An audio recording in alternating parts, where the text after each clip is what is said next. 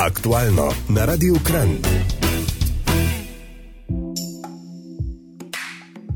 V današnji oddaji aktualno se pogovarjam z Danielom Grando, inštruktorjem varne vožnje z centra varne vožnje AMZS Vransko. V prvem delu bova govorila o razlikah, ki jih inštruktori opažajo pri kandidatih danes v primerjavi s kandidati, ki so vozniški izpit opravljali pred 15 ali več leti. Dotaknila se bova vpliva tehnologije in umetne inteligence na vozila in naše vozne navade.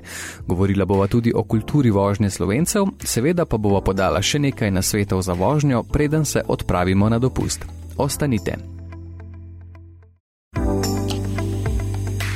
Ste v oddaji aktualno na Radiu Kran, naš gost danes je inštruktor varne vožnje Daniel Granda z centra varne vožnje AMZS Vransko. Pozdravljeni. Tako. Ni prometa brez voznikov, zaradi razvoja tehnologije pa je povprečen kandidat za vozniški izpit danes v drugačnem položaju, kot je bil povprečen kandidat pred naprimer 20 leti. Tudi v cestnem prometu tehnologija kroji razvoj in spreminja vozne navade. Kaj pri kandidatih nekoč in danes opažate vi kot inštruktor?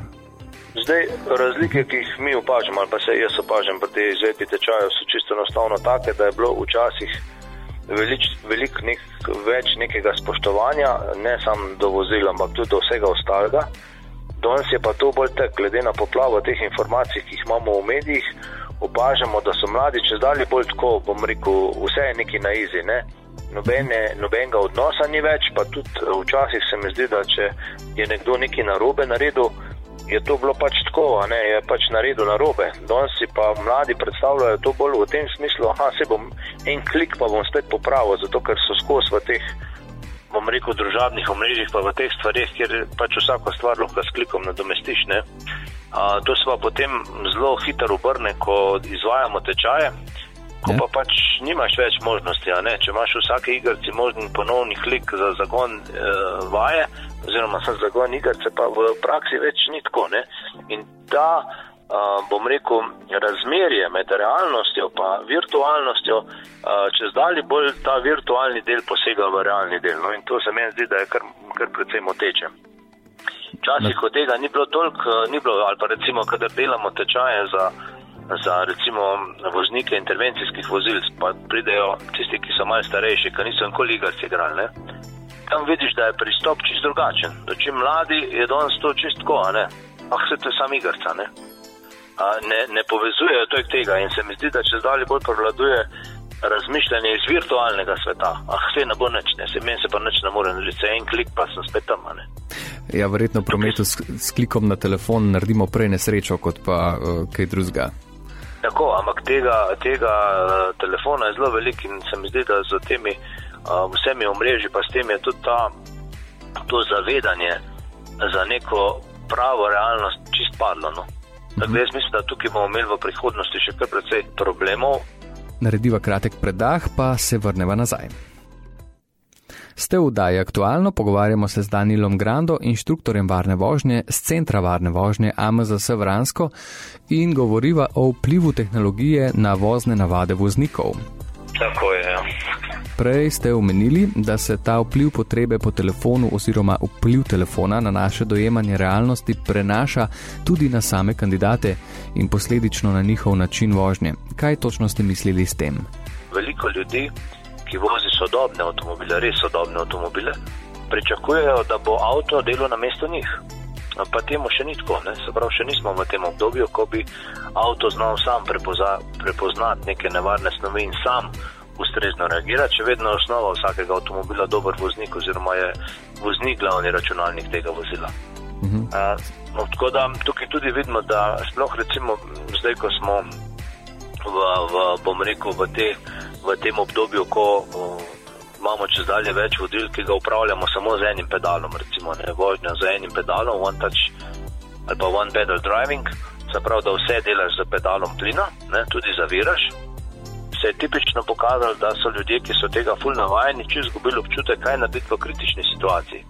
Zato, ker nikoli več ne stisne zavore in jo tudi v kritični situaciji ne stisne. Ne. Taka, taka zanimiva posebnost, ki se je pojavila. Um, pa to ne pri nekih starih ljudeh, to so bili mladi ljudje, to so bili ljudje, ki so bili res načitani s tisto tehnologijo, ki mu jo avto nudi. Ne? Ampak, ko je pa treba nekaj sestaviti v realnosti, smo pa čisto povedali.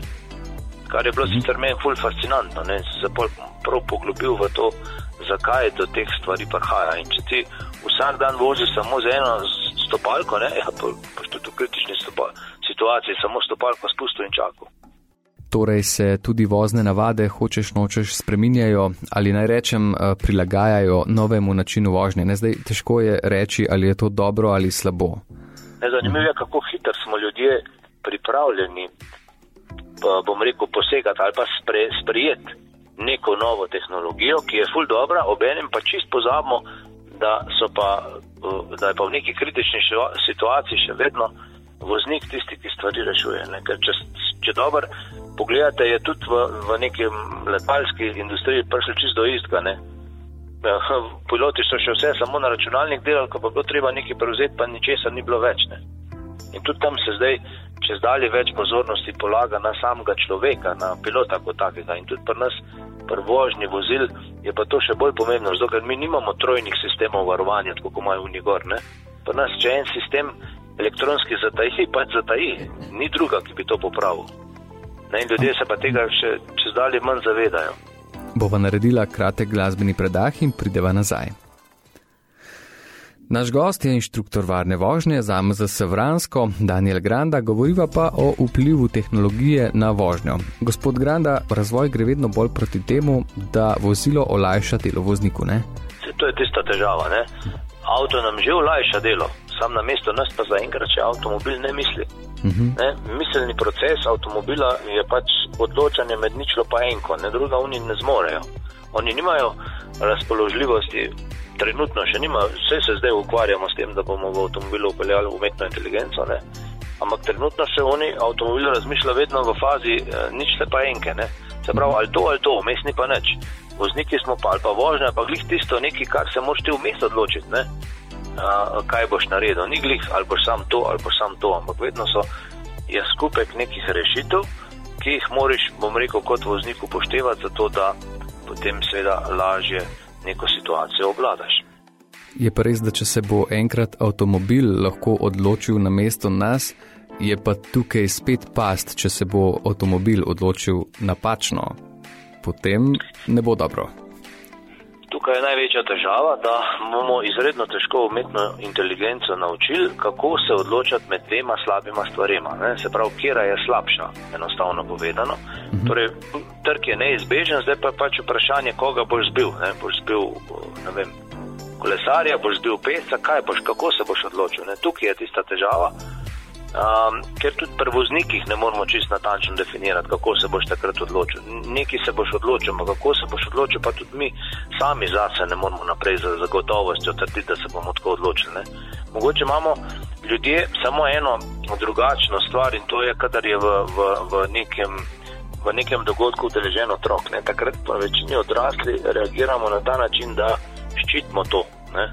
To je pač nekaj, kar nam je prirojeno ampak tehnika bo to izredno težko upoštevati. Hm. Bova naredila en glasbeni predah, pa se potem vrneva nazaj. Dotaknila se bova tudi kulture vožnje in tega, kakšni vozniki smo slovenci. Ostanite. Ste v daji aktualno, pogovarjamo se z Danielom Grando, inštruktorjem varne vožnje z centra varne vožnje AMZS Vransko. Kot sem že prej namignil, kakšni vozniki smo slovenci po vašem mnenju? Moram reči, da, da smo Slovenci gledano o, kot o, ljudje ali pa kot cela nacija, jaz mislim, da smo dobri vozniki.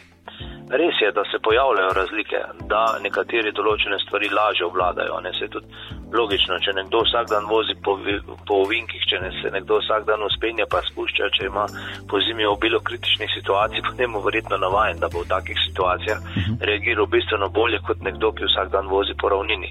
A, mogoče je težava samo v tem, da smo včasih, ko gledamo promet na splošno, precej uh, nismo zelo tolerantni vozniki. Se pravi, vsak se postavlja na neko svoje stališče in zelo malkrat vidimo ljudi, ki bi bili pripravljeni popustiti, upoštevati drugega, se prilagoditi drugemu.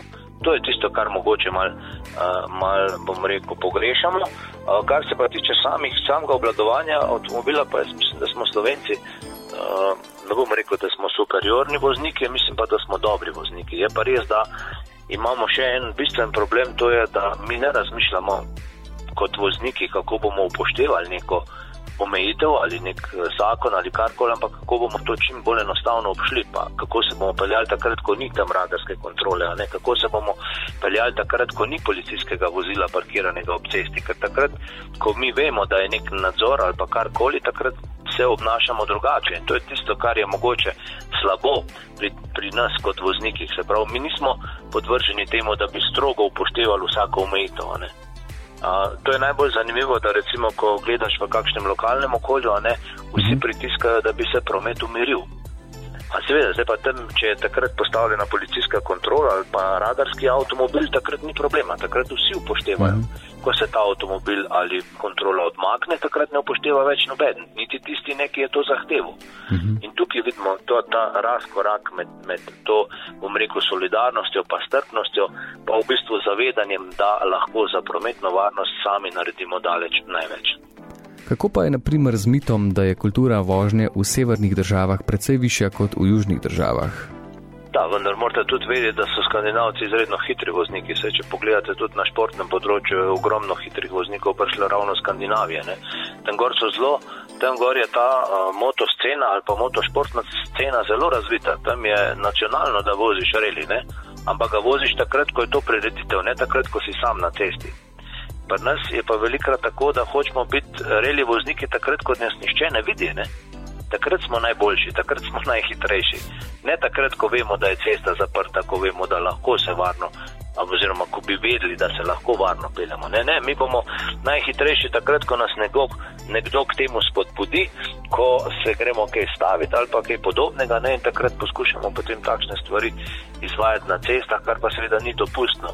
Dejstvo je tudi to, da v Sloveniji še vedno nimamo nekih površin, kjer bi se lahko, bom rekel, tisti moto navdušenci mal sprostili ne, ali pa uživali v nekih hitrostih. Čeprav ni to pogoj za to, da je kultura vožnje na visokem nivoju, uh mhm. -huh. je pa treba vedeti tisto, kar sem rekel prej. Ne, dokler bomo mi razmišljali v sistemu, kako obiditi neko situacijo, ne pa kako jo upoštevati, potem ne moramo pričakovati, da bodo rezultati bistveno drugačni. Bova zdaj spustila nekaj glasbe, v nadaljevanju to temo obrneva tudi proti dopustom. Voznikom bova svetovala, kako se pravilno nalaga prtljaga in katere stvari preverimo pred odhodom na daljšo pot. Ostanite. Ste v oddaji aktualno, govorimo z inštruktorjem varne vožnje. V zadnjem delu oddaje bova podala še nekaj nasvetov voznikom, ki se odpravljajo na dopust. Torej, gospod Granda, pred poletno sezono se svetuje, da se avtomobil tehnično pregleda pred dolgimi potmi. Da, vsekakor, le tehnično uh, izpravno vozilo je tisto, ki je varno vozilo. Pred neko potjo na, na dopust, recimo, je zelo verjetno, da bomo avto bolj obremenili, kar še dodatno pomeni, da je treba pregledati tlak v pneumatikah, jih po potrebi dopolniti, a ne zagotoviti, da imamo dovolj, ne vem, stek v tekočine za brisanje vetrobranskega stekla, da so brisavci v redu, da klimatska naprava deluje in pa da seveda avta ne preobremenimo, kajti tudi to je lahko težava. Včasih vidimo koga, ki avto preobremeni in potem takšno preobremenjeno avto seveda se obnaša v neki situaciji bistveno drugače, manevri reševanja so drugačni, teže rešljivi in tako naprej. Mhm. Ko ste ravno omenili te manevre in obnašanje avtomobila, da se različno obnaša pod različnimi obremenitvami. Naprimer, včasih so v katerco ali pa v stoenko, če karikiram, lahko zložili vso prtljago, pa sedaj pa marsikateri družini primankuje prostora. Kako naprimer varno in pravilno naložiti prtljago? Ja, res je, to je dejstvo, vendar eh, če smo čisto odkriti, ne včasih je štiričlanska družina na dopust lahko šla za jugotom, pa so vse spravili v njega, danes pa ne morejo z enim prostor, z enoprostorskim avtomobilom vse prtlagi ja. noter spraviti. Se pravi, ljudje smo, hočemo čez dalje več nekih osebnih stvari peljati zraven na dopust. Na splošno velja čisto preprosto pravilo, ko pa parkiramo, vzemimo seboj le tisto, kar je nujno. Ne da vzamemo tisto v najslabši možni kombinaciji, ko moramo za vsak dan imeti tri pare oblekane, ampak tisto, kar je najbolj nujno. Poleg tega pa potem, ko vse te stvari, ki jih bomo potrebili, potreb, mislim, ki jih bomo rabili oziroma vzeli seboj na dopust, si najprej nekam zložimo na neka, v nek prostor, zato da bomo lahko naredili nek načrt, kako bomo stvari naložili. Pri tem je tudi dobro si zapomniti, da bo treba avto mal drugače spremeniti, se pravi, če imamo zdaj normalno, ne vem, rezervni trikotnik pažarnice pod zadnjim, pod zadnjo, bom rekel, pod zadnjim prtlažnim prostorom je dobro to predstaviti nekam bližje, saj da imaš varnostni trikotnik pa jopič nekje pri vratih, a ne zato, da bo bolj enostavno. Potem pa vedno tiste težje stvari nalagamo spodaj in tiste lažje zgoraj. Zakaj je to pomembno? Čisti iz preprostega razloga. Više kot bomo nalagali teže uh, predmete, kočke ali kaj podobnega, više je težišče avtomobila. Težišče avtomobila je pa nekaj, kar je močno povezano s stabilnostjo avtomobila. Um, tudi iz tega razloga je potem avto, ki ima više težišče, bistveno težje obvladati. Že če samo kolesa damo na streho, smo precej povišali težišče avtomobila poleg tega damo včasih na streho še strešni kovček. Uh mhm. -huh. Pri tem je treba biti pozorni, da ne prekoračimo maksimalne obremenjenosti strehe, ki je pač dopustna za določen tip avtomobila. Zdaj, če mi notor nalagamo od pijače do ne vem česa vsega, potem se bo hitro zgodilo, da bomo presegli največjo obremenitev strehe. Zdaj, če smo dali mi, ne vem, 120 kg gor na streho, potem smo bistveno porušili neko ravnotežje v avtomobilu. Se pravi, zdaj bo avto se bolj nagibal, drugače se bo obnašal v ovinkih in tako naprej. Ne? To so vse stvari, ki so zelo pomembne. Zato vedno najtežje stvari nalagamo čim niže v avtomobil, čim bolj lahke stvari pa seveda potem zlagamo čim više. To je bil pogovor z inštruktorjem varne vožnje z centra Avtomoto Zveze Slovenije Vransko, Danielom Grando. Hvala gospod Granda za ta pogovor. Hvala tudi vam in lepo zdrav tudi vam in poslušalcem vašega radia. Upam, da ste izvedeli kakšno uporabno informacijo. Želim vam srečno pot na dopust. To je bila oddaja aktualno na Radiu Kran.